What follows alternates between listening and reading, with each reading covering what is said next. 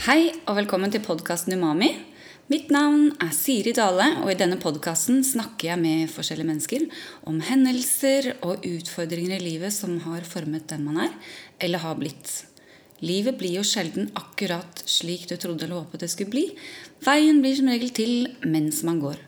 Alt ettersom hva som byr seg av utfordringer og muligheter, kan det ofte være både overraskende, spennende og veldig individuelt hvor man finner lykke og livskvalitet.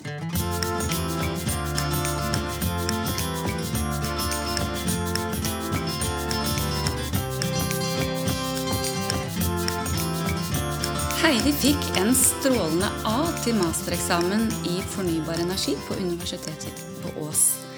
Hennes undersøkelse eller oppgave om solenergi og solceller den var så oppsiktsvekkende at veilederen hennes faktisk mente at den burde offentliggjøres så raskt som overhodet mulig. Dette er framtiden, folkens. La oss lytte til en som er nyutdannet og er best skikket til å uttale seg om hva vi står overfor av utfordringer framover. Hva som er bærekraftig, og hva som bare er tull. Alt som skrives om klima og framtid, det er jo ikke alltid like lett å bli klok på. Vær så god, her er Heidi Haugstad. Hei, Heidi. Hei, Siri. Heidi, du er 31 år nå, ikke sant? Ja. Og hvordan føles det å være endelig ferdig med utdannelse og klar til å steppe inn i et nytt liv med fast jobb? Jeg tror det kjennes ganske bra. Jeg tror jeg fortsatt er i en slags eh, ja, Jeg begynner å komme ut av en slags sjokktilstand over at eh, man plutselig bare er ferdig med noe man har holdt på med i fire år. Mm. og også bare det å Den siste tiden har kjent på at man har sikkerheten i en jobb før man er ferdig. Å studere er liksom er en såpass stor eh, greie at man trenger en del tid til å prosessere. Men klart det. Ja. Det var jo ikke bare enkelt heller. Det er jo, Selv om man skulle tro at det skulle være enkelt, og at man får tilbudt jobb nesten når man tar en så viktig utdannelse, så er det jo ikke sånn. Det er jo en prosess, det òg. Mm, og, og samtidig med at du holder på med masteroppgave og ting og tang og fly på intervjuer og sånn. Det er vel ikke bare bare det heller? Nei, det var ganske tungt en periode. Ja, ja, ja.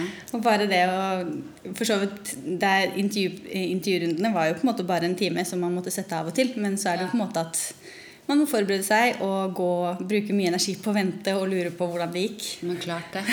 Ja, ja, ja. Og midt oppi mens du skal være kreativ med oppgavene og alt Ja. mulig. Ganske tøffe tak. Men nå er de i hvert fall på plass, da. Yep. Gratulerer med det. Tusen takk. Må Jeg, er, eh, jeg er veldig fornøyd. Herlig. Men veien var jo ikke helt strømlinjeformet da du Altså, du, du, du begynte jo et helt annet sted Ja. når du begynte å studere. Du begynte på Nissen videregående, gjorde du ikke det? Nei, Foss. På Foss, ja. Ja. Hva var det som egentlig var planen da? Eh, Da, jeg hadde egentlig ikke så mye planer. Eh, Jeg starta på musikk fordi jeg hadde veldig lyst til å gå på samme skole som eh, en bestevenninne. Så vi drev og skifta mellom Foss og Manglerud en hel del ganger. Yeah. For hun var ikke helt sikker. Men musikklinja var vi vel ganske klare på, for vi hadde gått i korps. Og vi hadde, ikke, vi hadde nødvendigvis ikke behov for akkurat å gå ren allmenn. Men da var det egentlig bare at vi hadde lyst til å gjøre noe i tillegg. Ikke bare ha teoretiske fag, som man hadde gjort i ganske mange år allerede. Og så var det jo på en måte gjennom videregående og også et år på folkehøyskole at jeg møtte ganske mange mennesker som på en måte hadde tro på meg og oppfordret meg på en måte til å gå videre med musikken. Og det var noe som jeg på en måte syntes virket veldig interessant å kunne prøve.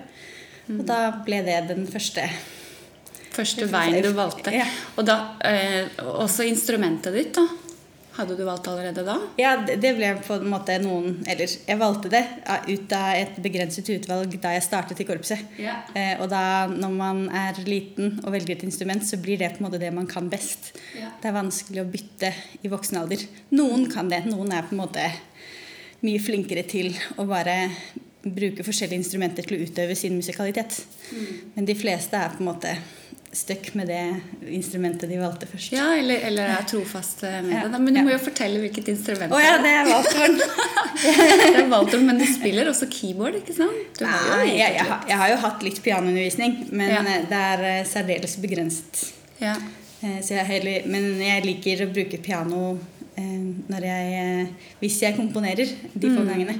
Ja. Eh, men- Jeg ser det kan være praktisk, for da har du liksom tonene Ja, jeg vet ikke. Av en, eller annen- av en eller annen grunn så syns jeg eh, det er mye lettere å på en måte eh, ja, gjøre det der. Men kanskje også fordi at jeg syns det noen ganger komponerer litt mer teoretisk. Eller at jeg prøver å finne toner, og da er det lettere å bytte mellom toner på et piano noen ganger. Det er klart det. Ja. En valgtorn, ja. Mm. Ja, det må jeg nok tro. Vel, men eh, egentlig, sånn, i perioder hvor jeg kan Hvor jeg er i veldig god form, så er det jo mer intuitivt på valgtornet. For da vet jeg på en måte hvor tonene ligger. Så er man på en måte Ja. Så det er mange som syns det er mye lettere på sitt eget hovedinstrument Mm. enn på andre instrumenter. da. Men du studerte jo eh, noe i Stavanger òg. Hva var det da? Var det Da var det valgtorn og musikk. Ja. Og med ped etter hvert. Hva er det for noe? Pedagogikk. Som, som ekstra fag, liksom? Ja, det er vel et ekstra år som jeg tok over to år, eh, parallelt med å gå utøvende. Hva var det du tenkte du skulle bruke det til? Du, sånn eh, rent praktisk, så hvis du har pedagogikk, så får du bedre lønn når du skal bli lærer. si, Hvis oh, du skal ja. undervise på si. Ja, ja, Eh, og hvis man skal bli musiker, så til og med de profesjonelle underviser jo på si. Og jeg har vel alltid tenkt på at hvis jeg skulle bli profesjonell, så er det på en måte min plikt å gi den kunnskapen videre. Og da ha kompetansen til å gjøre det. For det er også så mange utøvende musikere som ikke har pedagogikk, som fortsatt er lærere. Og så gjør de på en måte en dårlig jobb, da. Fordi at de ikke har studert det de faktisk gjør på si. Mm, skjønner den. Mm. Men eh, hvor mange år var det du var i Stavanger da? Hvor mange Oi, år var du eh, studerte? Det var mange. Jeg tok først en fireårig bachelor da, med PED. Ja. Og så tok jeg et videreutdanningsår med jazzimpro. Ja. eh, For å lære litt mer. For jeg var alltid veldig glad i jazz og improvisert musikk. Så jeg hang veldig mye med de folka. Og spilte også i noe jazzorkester eh, parallelt med å studere klassisk. Ja, ja. Eh, og så tok jeg da et siste år eh, med klassisk videreutdanning, hvor jeg også var på utveksling. Så vi blir seks år til sammen. Ja, og hva var det som gjorde det? Og så skjedde det jo en endring. Og hva var det som egentlig fikk deg til å gå en annen vei da? Eh, jeg ble eldre, eh, er jo én ting. Eh, og underveis så det, har jeg alltid sagt at så lenge jeg på en måte ikke kunne se for meg noe annet enn musikk, så skulle jeg på en måte være trofast og fortsette med det. Eh, og se hvor det tok meg. Men det var nok i løpet av de to videreutdanningsårene så Jeg tok jo det fordi at jeg ikke følte meg klar til å starte på master. Selv om jeg i hvert fall ett av årene hadde et tilbud om det hvis jeg ville. Eh, men eh, jeg Ja, og så i den alderen jeg hadde kommet opp, så følte jeg også en, en følelse av at jeg hadde lyst på mer stabilitet rundt meg. Mm. Eh, Forutsigbarhet. Ja, ja forutsigbarhet. Og, at, og da slår det slo det meg for første gang at kanskje det faktisk er noe annet jeg har lyst til å drive med, og Ja, kanskje har musikk på si. Og med en gang den tanken på en måte fikk fotfeste, så tok jeg meg først et pauseår fra musikken for å liksom kjenne på det. Eh, og så fikk jeg lyst til å eh, ja, teste ut og studere noe annet. Og det føltes bra når jeg gjorde det. Mm. For at musikk er noe som man alltid kan gå tilbake til, eller kjøre parallelt med, med et annet studie, da, hvis man virkelig føler for det. Så jeg har jo flere eh, venninner som Eller jeg har noen venninner som er utøvende, som studerer på si. Også i ettertid. De har gjort det litt etter meg, men for å ha flere ben å stå på, eller å ja, utforske hva verden, andre deler av verden. Da. Fordi at når man er bare inne i musikkverden, så er man inne i en slags boble ofte. Eh, og noen ganger så er det fint å Eller i hvert fall jeg følte at det var veldig fint å prøve å komme meg litt ut av den boblen. Det er veldig tøft å høre. Vet du hva, Jeg kjenner meg veldig godt igjen i det, fordi eh, jeg selv eh, levde jo for musikken jeg til jeg var 30 vet du, og tenkte jeg hadde ikke egentlig noen annen plan med å jobbe, jobbe i barnehagen for å tjene penger til å drive med musikken. Jeg var jo der, jeg òg. Og så plutselig så begynner jeg å studere og, finne få behov for noe annet. Så dette her er gjenkjennbart. Altså. Kanskje det er noe magisk rundt 30 at man ja. får behov for å tenke annerledes. Ja, og det, jeg ble jo også værende der, for jeg følte at liksom livet mitt fungerte bedre. Eh, og jeg fungerte bedre. Eh, og jeg har alltid visst at Jeg har alltid vært god på skolen, Eh, og jeg valgte på en måte bort de tingene jeg kanskje var mest naturlig god i for å liksom eh, eh, videreutvikle den kreative siden min. Mm. Eh, men det var på en måte også veldig deilig å ja, finne ut av eh, Å utforske den teoretiske siden jeg har. Mm. Og da fant jeg også ut eh, hvilke fag jeg på en måte faktisk hadde evner til, og som jeg syntes var gøy, som jeg på en måte aldri hadde Eh, undersøkt før. Da. Mm. Så jeg tror det var mest den økonomiske siden og økonomifag jeg fant ut at var en verden som eh, jeg syns var veldig spennende. Mm. Men fra det til å gå til fornybar energi, så er jo det også en litt sideretning. Da. Du kunne jo også gått bare ren økonomi men hvorfor, hvorfor fornybar energi? Ja, jeg, jeg er ikke helt sikker. Det eneste minnet jeg har, er at jeg, satt, eh, jeg, fant en nettside som jeg ikke har funnet igjen, mm. hvor man på en måte kunne trykke seg videre og liksom eh, eh, snevre inn valgene på retninger. Da. Ja. Eh, og jeg var det hoved... Eh, jeg hadde to kriterier. Jeg ville ha realfagskompetanse. Eh, for det hadde jeg ikke fra før av, så jeg ville liksom undersøke disse realfagene som man ofte tok på videregående. og jeg ville bo i Oslo. Ja. Som måtte være en skole som var i nærheten av Oslo. Ja. Eh, og så, så Det er jo litt diffust, men jeg husker jeg trykka meg inn på det og det, og så fikk jeg vel en side med forskjellige fag. Og så valgte jeg liksom, ja, naturfag. Det er jo interessant liksom, mm. å gå inn i den retningen. Eh, og de, eh, av de alternativene jeg da fikk opp, så sto fornybar energi på Ås. Mm. Eh, og da virka det som det som var mest interessant mm. eh, på det tidspunktet å søke seg til. For på den tiden så visste jeg ikke at det var økonomi jeg var interessert i. Det er noe jeg har funnet ut gjennom fornybar energistudiet. At eh, den delen. Men jeg tror ikke jeg hadde funnet en eh, bedriftsøkonomi er for så vidt interessant. Men bare bedriftsøkonomi er ikke like morsomt som når det er knyttet opp til fornybar energi. Det er, Nei, det ser vi en gang. Det er, det er kombinasjonen og liksom de, eh, den verdenen man får inn der, og også på en måte hvordan energiøkonomi fungerer. Mm. er liksom ja, det var rett og slett spennende. Ja, det må være veldig interessant. Men eh, tilbake til dette med fornybar energi. Hva er det som er så viktig med fornybar energi? Går det an å definere det litt? Eh, nå skal du få tenke litt først. for at Jeg har sett litt på Wikipedia.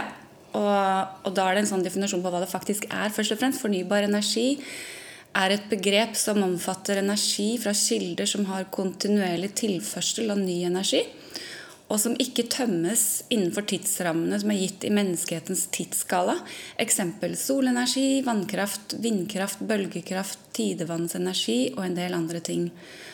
Og så er det det at bruk av fornybar energi ikke fører til global oppvarming.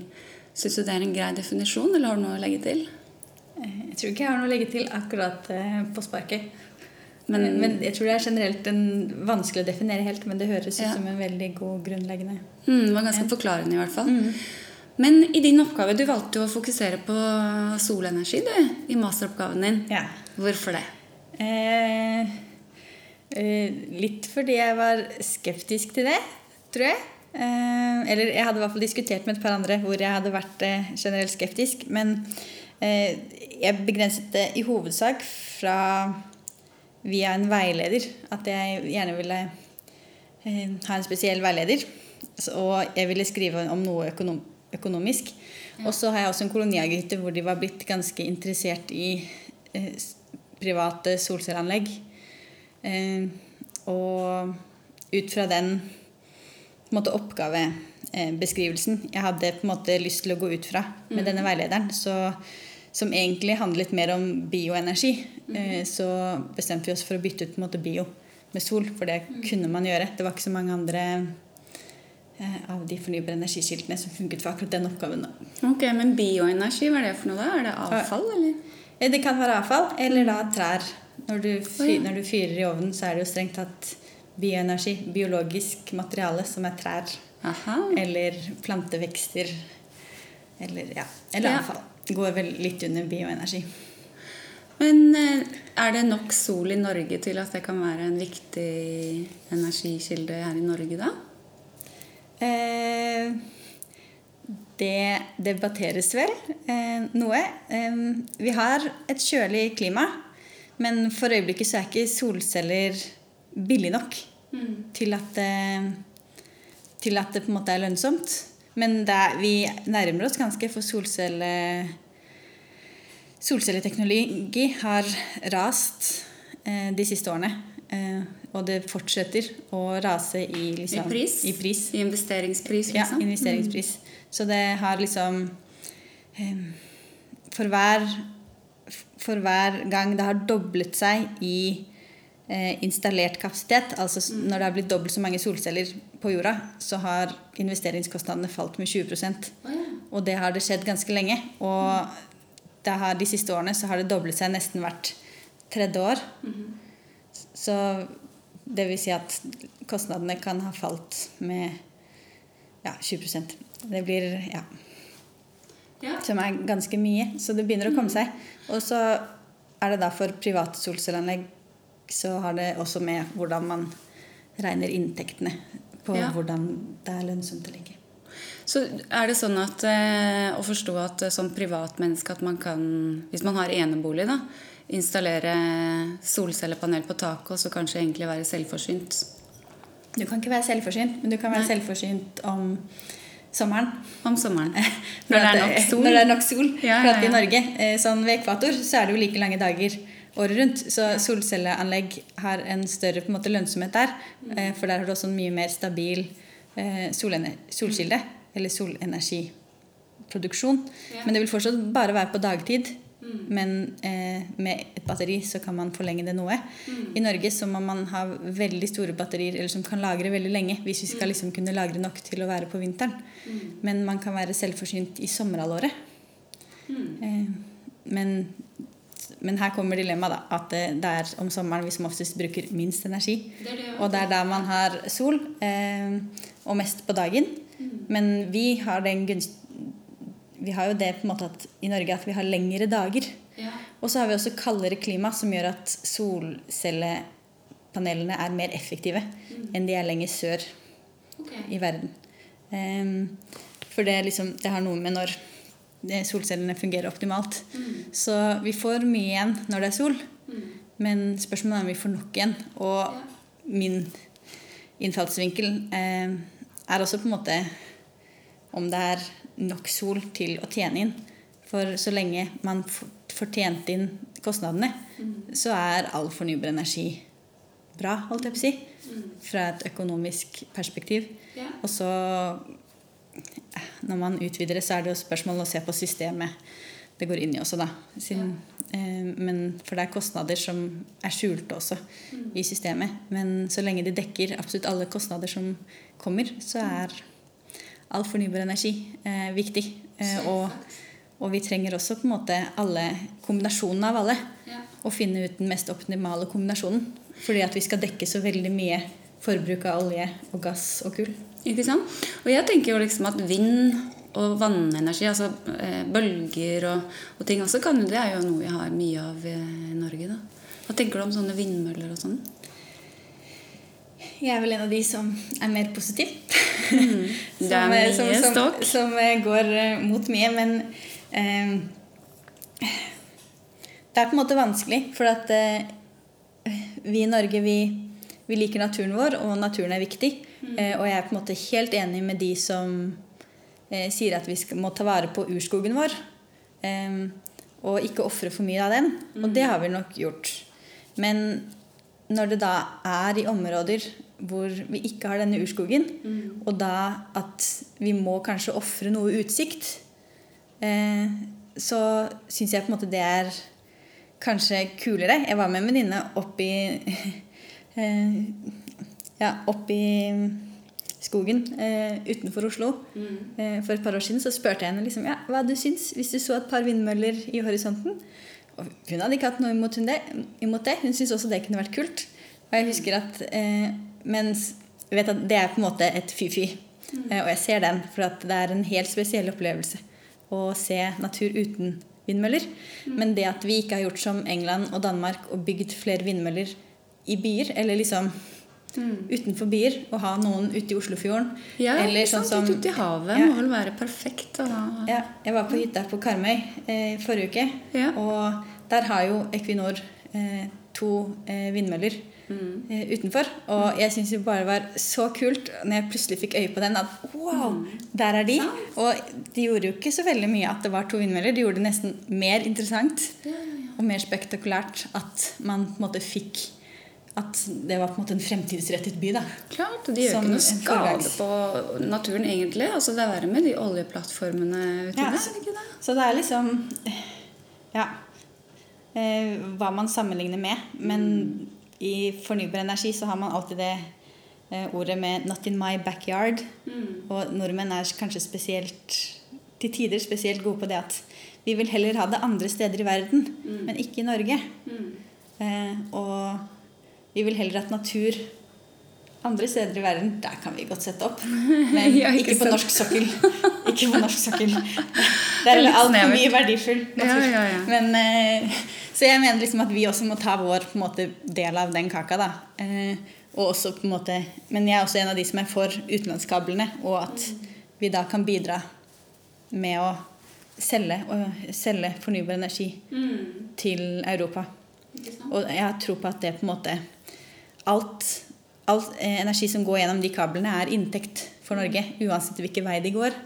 Om vi kjøper eller selger, så får eh, den norske stat inntekt av det. Eh, og det vil si at jo mer vi er koblet til Europa Ja, vi får kan, kanskje høyere strømregninger, kanskje lavere. Eh, det, om vinteren så får vi mest sannsynlig lavere. Om sommeren får vi kanskje litt høyere.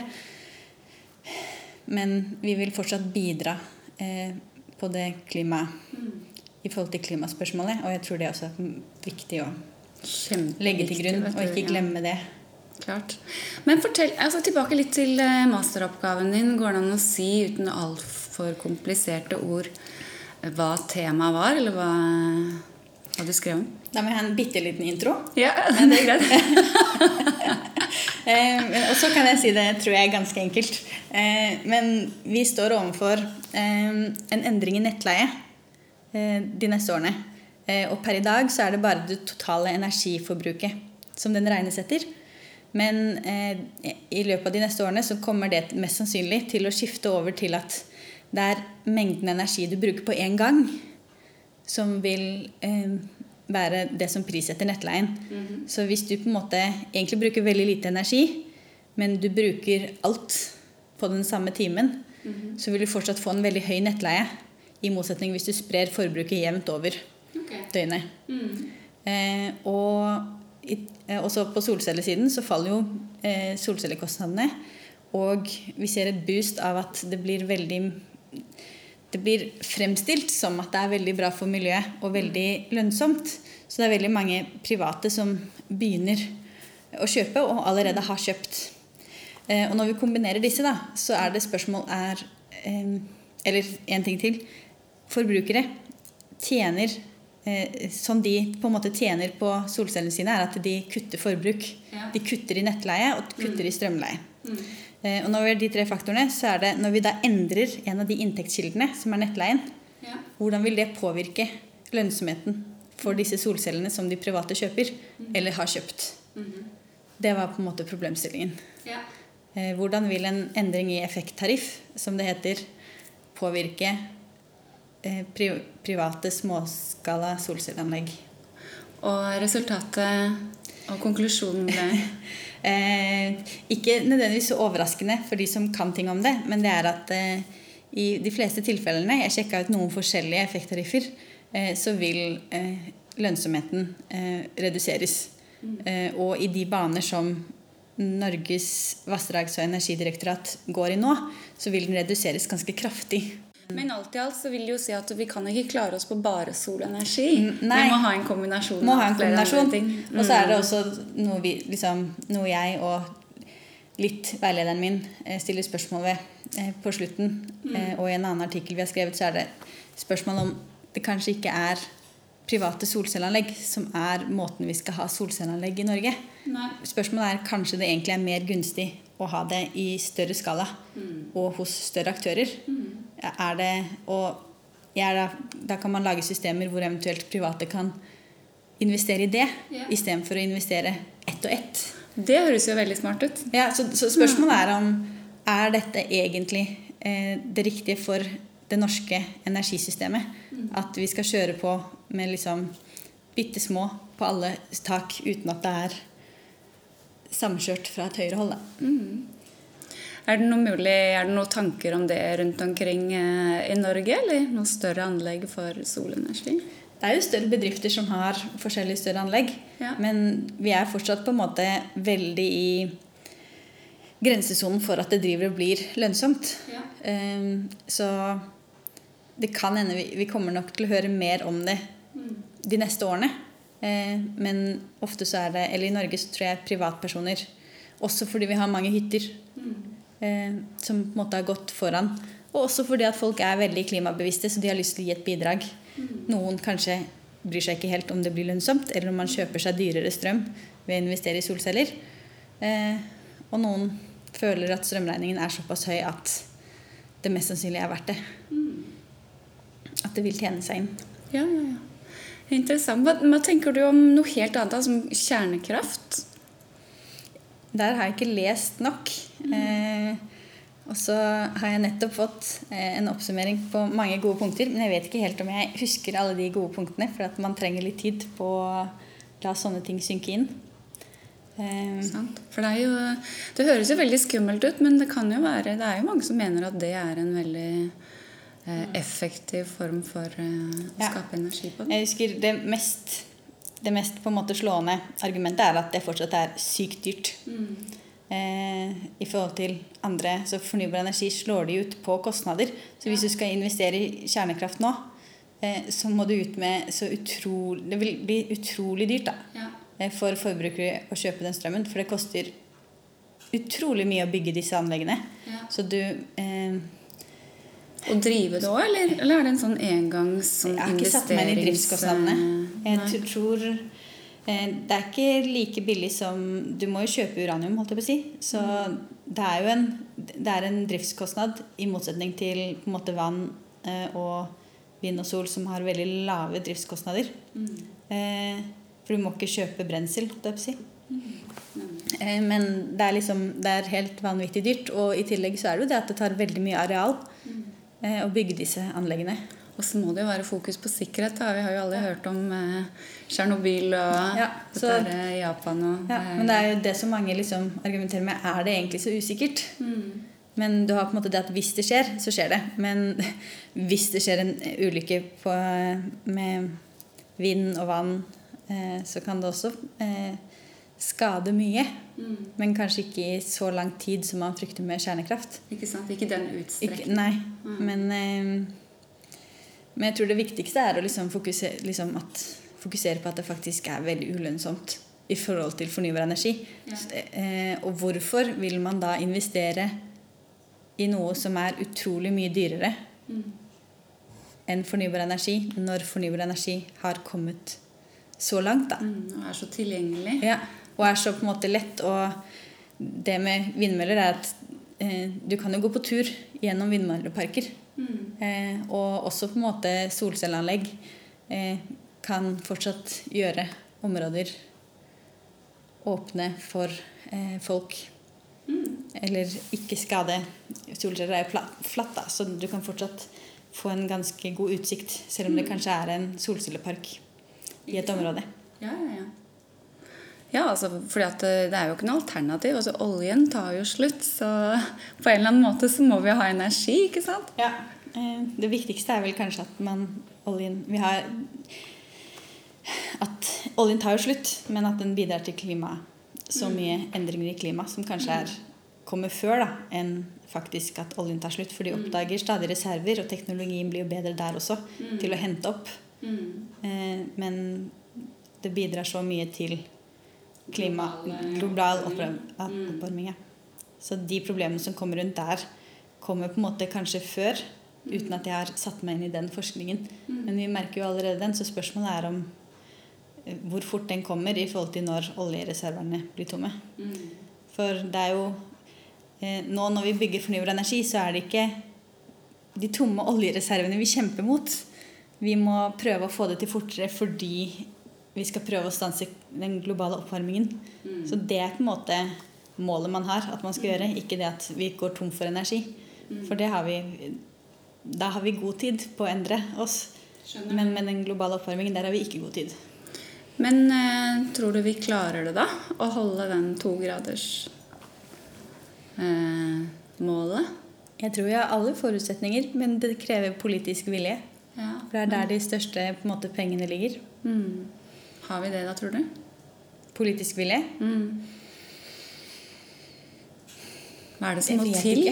Jeg- Sånn i Norge nå, med liksom ganske turbulente Mm. Det er et skifte gående. Det er, det er et skifte, så du har på en måte eh, Du har på en måte disse bompengepartiene som viser at vi på en måte ikke bryr oss mm. til en viss grad. Eller mange ikke bryr seg om eh, det større bildet. Eh, de vil bare bry seg om sin egen økonomi. Mm. eh, så du har den, men så har du også på en måte ungdomsopprøret. Så jeg er jo veldig spent på hva som skjer om fire år. For de som gjør opprør nå, er 14 til 16. Ja. Eh, og det vil si at om fire til Ja, nå er det stortingsvalg om fire år, nei, to år. Så om seks år, da. Eller delvis om fire år eh, ved neste kommunevalg, og om seks år ved neste stortingsvalg. Da tipper jeg at eh, Eller jeg håper at eh, de som gjør opprør nå, er flere mm. enn Men det man er ser. lenge til, da. Det er lenge til. Ja, Har ja, vi så mye tid å gå på da? Jeg mener De togradersmålet, det er jo mange som sier at vi må være der innen kortere tid enn seks år. Vi må klare å begrense oppvarmingen før det. Må vi ikke det? Jeg er vel skeptisk til en viss grad, men jeg håper at eh, da er det på en måte opp til de voksne å ikke la seg lure av eh, på en måte bompengepartier og de som lover grønn og, eh, gull og grønne skoger for private personer nå, og at man på en måte må stemme for de som vil gjøre noe Ta grep. Ja. Er det, ikke, er det ikke skummelt at noen fortsatt kan sitte på sin Altså og, og, og si det at det, det fins ikke noe som heter global oppvarming, det er bare klima som er i endringer, og det har det alltid vært. Er ikke det skummelt? Jeg skjønner ikke at det går an. Jo, jo. Men vi har jo alltid hatt på en måte Det har alltid vært folkegrupper som har ment at ting har vært annerledes. Men det har ikke vært noe farlig innenfor enten religion eller andre, eh, andre ting, fordi at verden har på en måte gått rundt likevel. Men når det blir et så på en måte alvorlig eh, tema som skjer nå, og skjer ganske fort, og som påvirker ganske mange store deler av verden, eh, så blir det jo på en måte veldig skummelt. Så det er ikke vanskelig å tro at folk ikke tror på det, for det, det har det alltid vært. S- Eh, folk som på en måte ja, har sin egen tro på hvordan verden oppsto, bare. Sånne ting. Sånn. Og det er, det er jo helt greit at de Ja. gjør. Eh, men ja. Men sånn er det. Men ikke sant? det kan jo godt være at, eh, at vi i Norge vi vil jo kanskje ikke være de første som, eh, som eh, får store problemer. Men det er klart når det begynner å bli klimaflyktninger fra resten av verden, så vil jo alle komme hit da, til eh, landene som fortsatt har rent vann og osv. Vi er jo så heldige. Ja. Jeg tror også på en måte at Norge har ganske stor vilje til å bidra i verden. I motsetning til andre land. Og Norge er jo på en måte eh, Vi er egentlig selvforsynt av fornybar energi. Hvis vi lagde en bestemmelse om, over at all vår energi den skulle vi bruke selv, ikke selge ut av landet. Hvis vi bare liksom skulle låse alle kablene, så er Norge selvforsynt som land. Eh, så problemet er Kina og USA. Jeg hadde et tredje land også. Som jeg de er vel verstingene, Det, men det er, det er det meste. Så hvis, man skal, sånn, hvis vi skal eh, hanskes med dette, så hvis vi får kontroll på, på utslippene fra de to landene, så har man kommet langt. Eh, så, og det er vel kanskje to av de landene som det kan være vanskeligst å få Eller som det kanskje virker som per nå. Det å få de til å eh, virkelig kutte. Men eksporterer Norge fornybar energi til Kina og USA nå, eller? Eh, det tviler jeg på. Uten at jeg vet det for sikkert, men det tror jeg er veldig vanskelig. For at eh, den energien vi produserer, er strøm, og de må gå gjennom kabler. Ja, så vi har ikke kabler helt til Kina. Eh, eller USA. Det er en det er en liten sånn marked med fornybar, eh, fornybarhetsgarantier som gjør at andre land, selv om eh, Som gjør at man kan på en måte bytte den fornybare energien uten, ikke den, der den forbrukes, men, eh, men det er ikke eh, Det er ikke helt på plass ennå og er liksom litt sidestilt og er så lite. Mm. Det er kanskje der, eh, det er jo et felt som blir viktig framover. At man kan snu seg litt eh, kjappere da, ikke sant? Når, eh, ja. når det begynner å bli hastverk. At mm. man kan Ja, Men Norge bidrar, bidrar mer til utslipp eh, enn egentlig. For vi selger jo oljen vår. Mm. Og all oljen vi selger, teller ikke på vårt klimaregnskap. Men vi selger jo masse olje, mest sannsynlig, til både Kina og USA. Mm. Og oljen vi selger, telles som deres klimautslipp. Ja, så, så all, det er jo masse olje som produseres på norsk sokkel, som slippes ut andre steder i verden. Men, men, det trappes ned nå, gjør det ikke det? Det blir vel ikke noe boring i Lofoten, så vidt jeg skjønte? Jeg tør aldri uh, uh, Har vi fått et forbud? Nei, det har vi ikke. men uh, ja, Det virker som det i hvert fall er på vei riktig vei. Men ja, så er det jo snakk om hvor lang tid har vi på oss, mm. og ja, hvor men, endringsvillige er vi. Ut fra liksom hva som produseres på norsk sokkel av fornybar energi og olje, og hva som slippes ut av ting vi har produsert, så vi nok har vi et, har vi ikke et positivt klimaresultat. Nei. Men mm. hva vil du råde folk til å stemme for for klima? Hva stemmer man for for best mulig å støtte klima? Det vet jeg ikke. Men eh, Og det, den, er, den, er, vanskelig. Det, sånn, eh, det, vet jeg ikke. Og jeg er veldig fan av å ha en kombinasjon av Man kan ikke bare stemme for klima, fordi at man må stemme for eh, en, måte, en bedre hverdag for folk flest også. Ja. Eh, men sånn som ting har gått hittil, så er jeg vel eh, skeptisk til den blå hverdagen mm. som vi har i dag. Mm. Men eh, eh, også på fornybar energi så har jeg også meninger som ikke stemmer overens med noen av Eller sånn med et par av de mer røde partiene mm. som kjemper for natur, men kanskje ikke på den måten jeg tror er mest fornuftig. Skjønner. Men det er Så lenge de, noen av partiene eh, enten stemmer for mye kollektivt eller å satse på fornybar energi, Mm. eller også på en måte bevare natur. Mm. Eh, så lenge noen av eh, partiene velger å gjøre det og viser at de aktivt går inn for det. Sånn som ja. f.eks. partiene som nå styrer Oslo, så ser du at det skjer jo masse ja, i, i, god retning mm. for å begrense dette. Eh, og også eventuelt øke bompenger for å få folk til å kjøre mindre. Ja, og ikke, ikke bruke mer kollektivt. Ja. Så, så lenge partiene gjør det, så tror jeg det er på en måte en god start. da ja. for å velge dem. Jeg sendte akkurat et forslag inn til eh, et av partiene nå med hva med gratis eh, kollektivtransport. ja, Eller sånn som da Haugesund gjør, så koster innenfor en nærsone ja. så koster det ti kroner. Ikke sant? Hadde ikke det vært greit? Istedenfor å piske i alle retninger og heller gi Tenk, tenk så for en oppmuntring til å parkere bilen utafor bysonen hvis det var gratis kollektiv. Ja. Så slipper man jo å ha alle de der mislykka billettstasjonene som aldri har blitt brukt engang. Ja, eller bare at månedskort eh, blir mye billigere, sånn at mm. folk lettere får gjort det. Men ja. det, må, det, må, finansieres på en måte, da. Mm, eh, så eventuelt så må man bruke bompengene til det. Men da er det jo mange som da stemmer på noen, et annet parti. Ja, da får vi, vi får etablere et nytt parti da, med Fornybar energipartiet. ja. Vi får grønt over på ja. Ja, ja, ja. Nei, men jeg er helt enig i at det liksom burde bruke sånne subsidier, ikke mm. bare, ikke, ikke bare, straff. Ikke bare straff, ikke sant? for da blir det bare irritasjon ja. i alle retninger. Mm. Men eh, til et litt annet felt, altså som enkeltmenneske, hva mener du er den, mest, eh, den beste innsatsen man kan gjøre for miljøet da? Altså F.eks. hvor nyttig er kildesortering? Det tror jeg er sånn Det tror jeg er veldig viktig. Eh, ikke det at jeg alltid er like flink på det selv spesielt på hytta. Eh, men der er det også på en måte kommuner som må legge opp til det. Så jeg tror Jeg ble kjempesjokkert da jeg startet på Ås, eh, på liksom Norges miljø- og biovitenskapelige universitet. Mm. Og de hadde ikke kildesortering. Nei, er det sant? og det tror jeg fortsatt gikk de her, fordi at kommunene Ås ikke samler det inn. Skjønner. Eh, de har ikke noe mottaksapparat til det? Nei, så de har ikke det systemet. Så det er sånn, eh, Kommunene har liksom mye igjen for det i forhold til å få det til over hele landet. Men jeg tror det er veldig viktig. Og sånn som det snakkes mye om, så er det jo på en måte det at det vi, det vi kan spare masse på, eh, kanskje mest på, det er å forhindre matsvinn.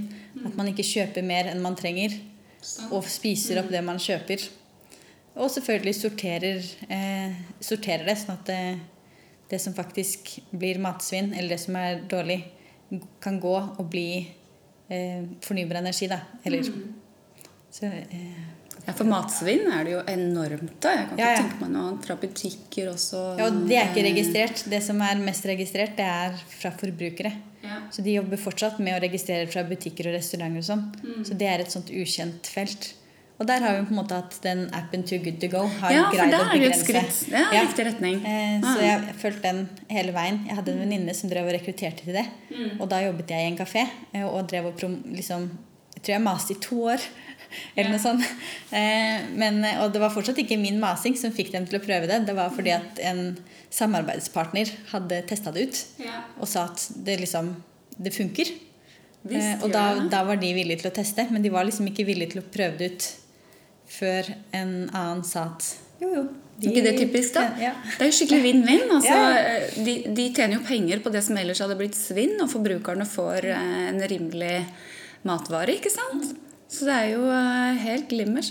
Jeg har brukt den en del ganger selv, ja, men det er litt vanskelig noen ganger å, å rekke akkurat den lille tidsrammen. Du må hente, du må hente brødposen mellom fire og kvart over fire, ikke sant? så er ikke alltid det passer. Men hvis det passer, og så er noen i nærheten, så er det jo helt glimmers. Ja. Og jeg, brukte veldig mye før, men i det siste så har jeg for så vidt begynt å bake selv.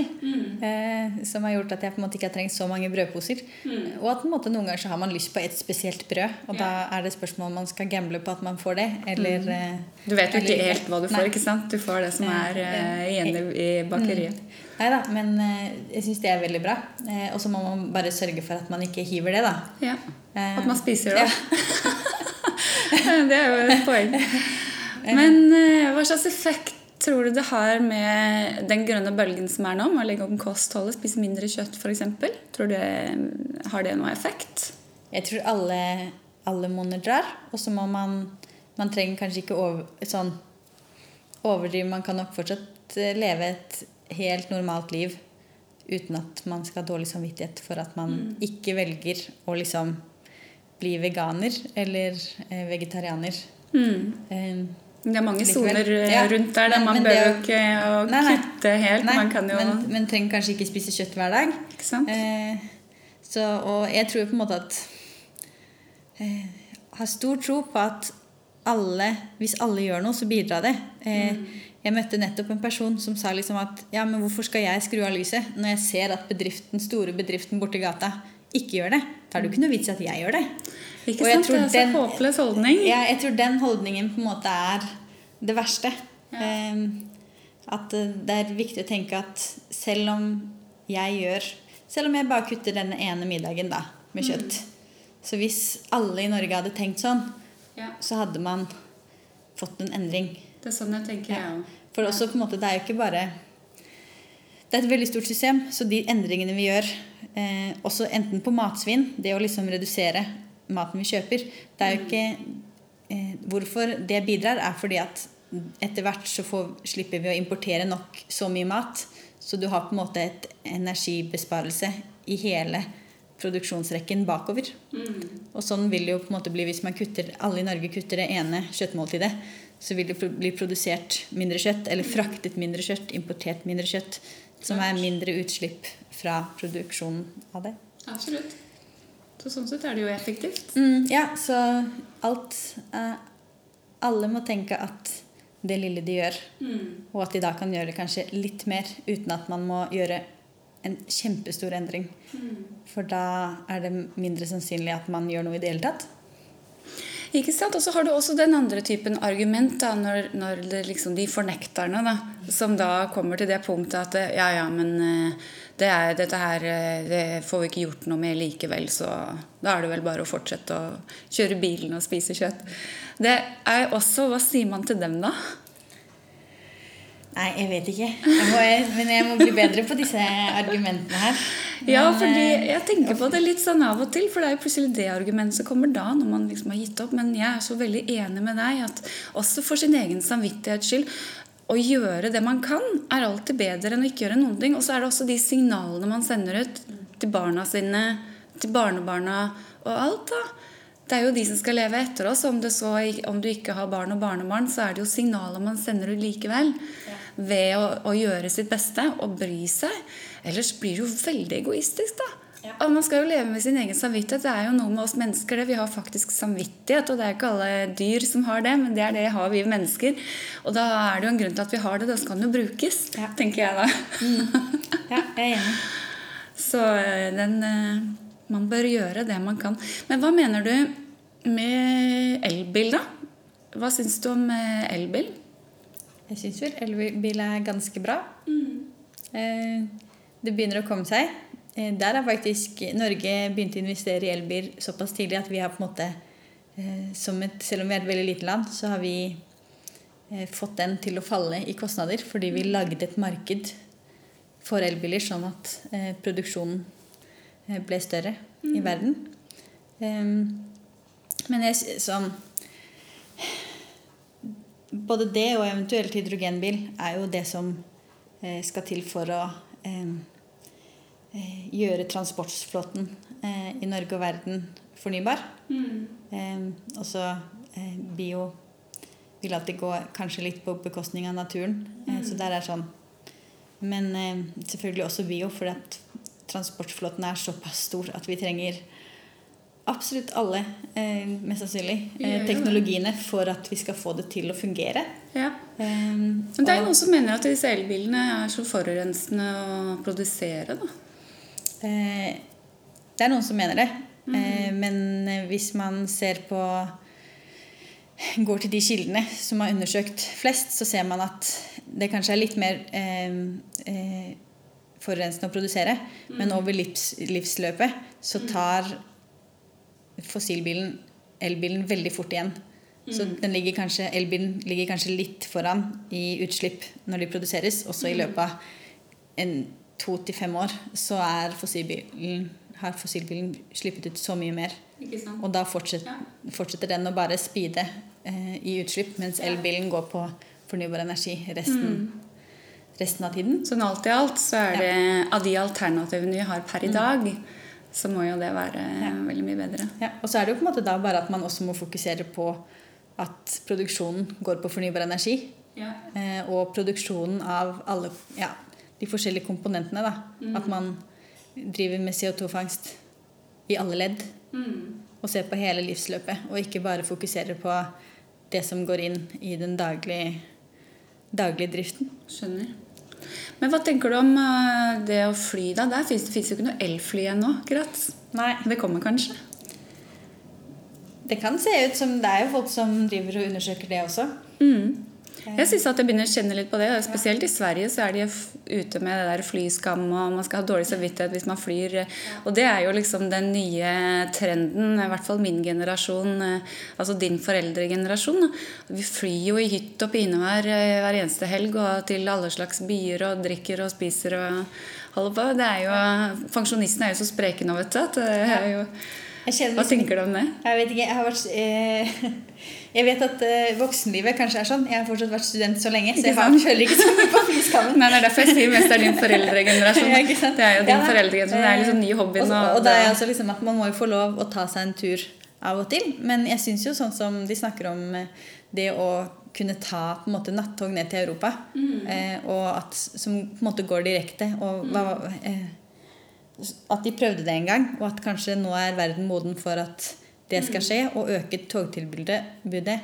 Men da må man på en måte få ned prisnivået der, slik at det kan konkurrere med prisnivået Ja, det er veldig viktig. altså Alternativet må være billigere. holdt på å si. Det skal Ja. i hvert fall samme pris som fly Ja. for at man skal jeg liksom, Ta det. Ja, og så er det jo på en måte det at eh, vi er på mange forskjellige samfunnsnivåer eller samfunnsgrupper. Så det å bare heve flyprisen blir på en måte feil, for da gir du bare fordelene til de som er rike nok. For at de som er rike nok, vil gjøre det uansett.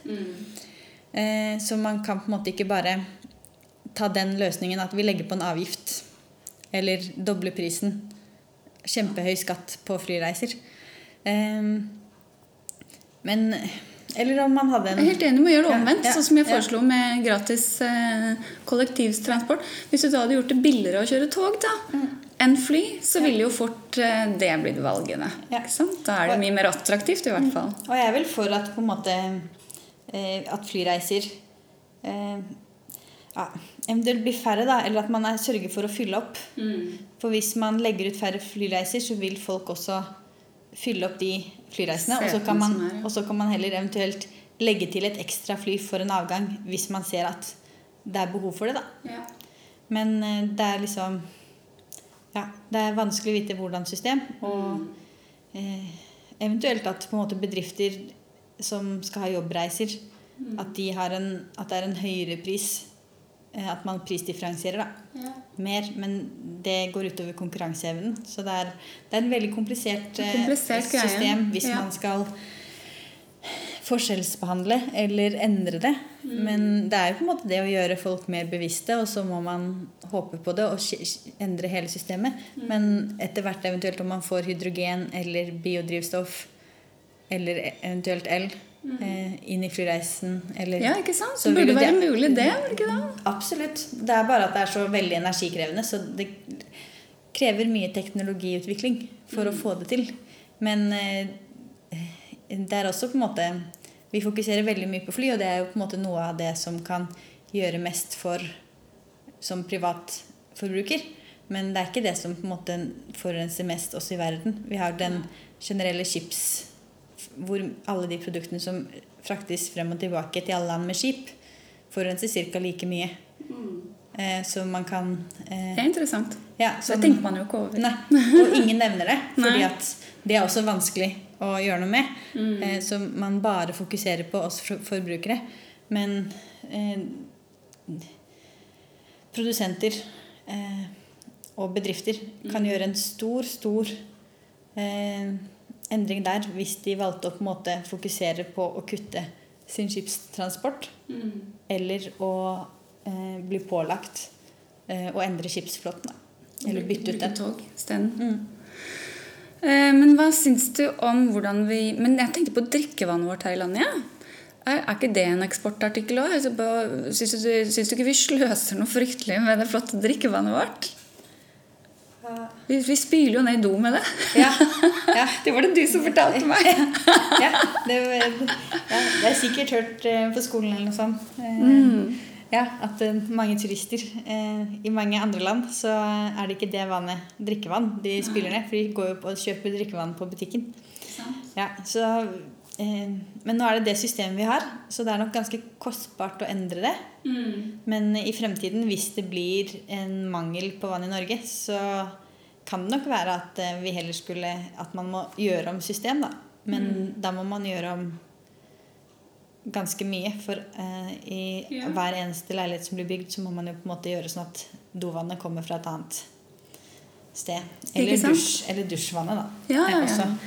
Men Fordi eh, det kunne jo vært altså, det er jo, Om ikke vi mangler vann akkurat eh, nå, i hvert fall her i Norge, så mangles det jo vann mange andre steder nedover i verden. Ja, eh, den er, det er jo en liksom Nå bruker vi også vannet til å produsere fornybar energi. Eh, og vi har på en måte nok Vannet kommer uansett. Så vi har liksom mer nok vann i Norge.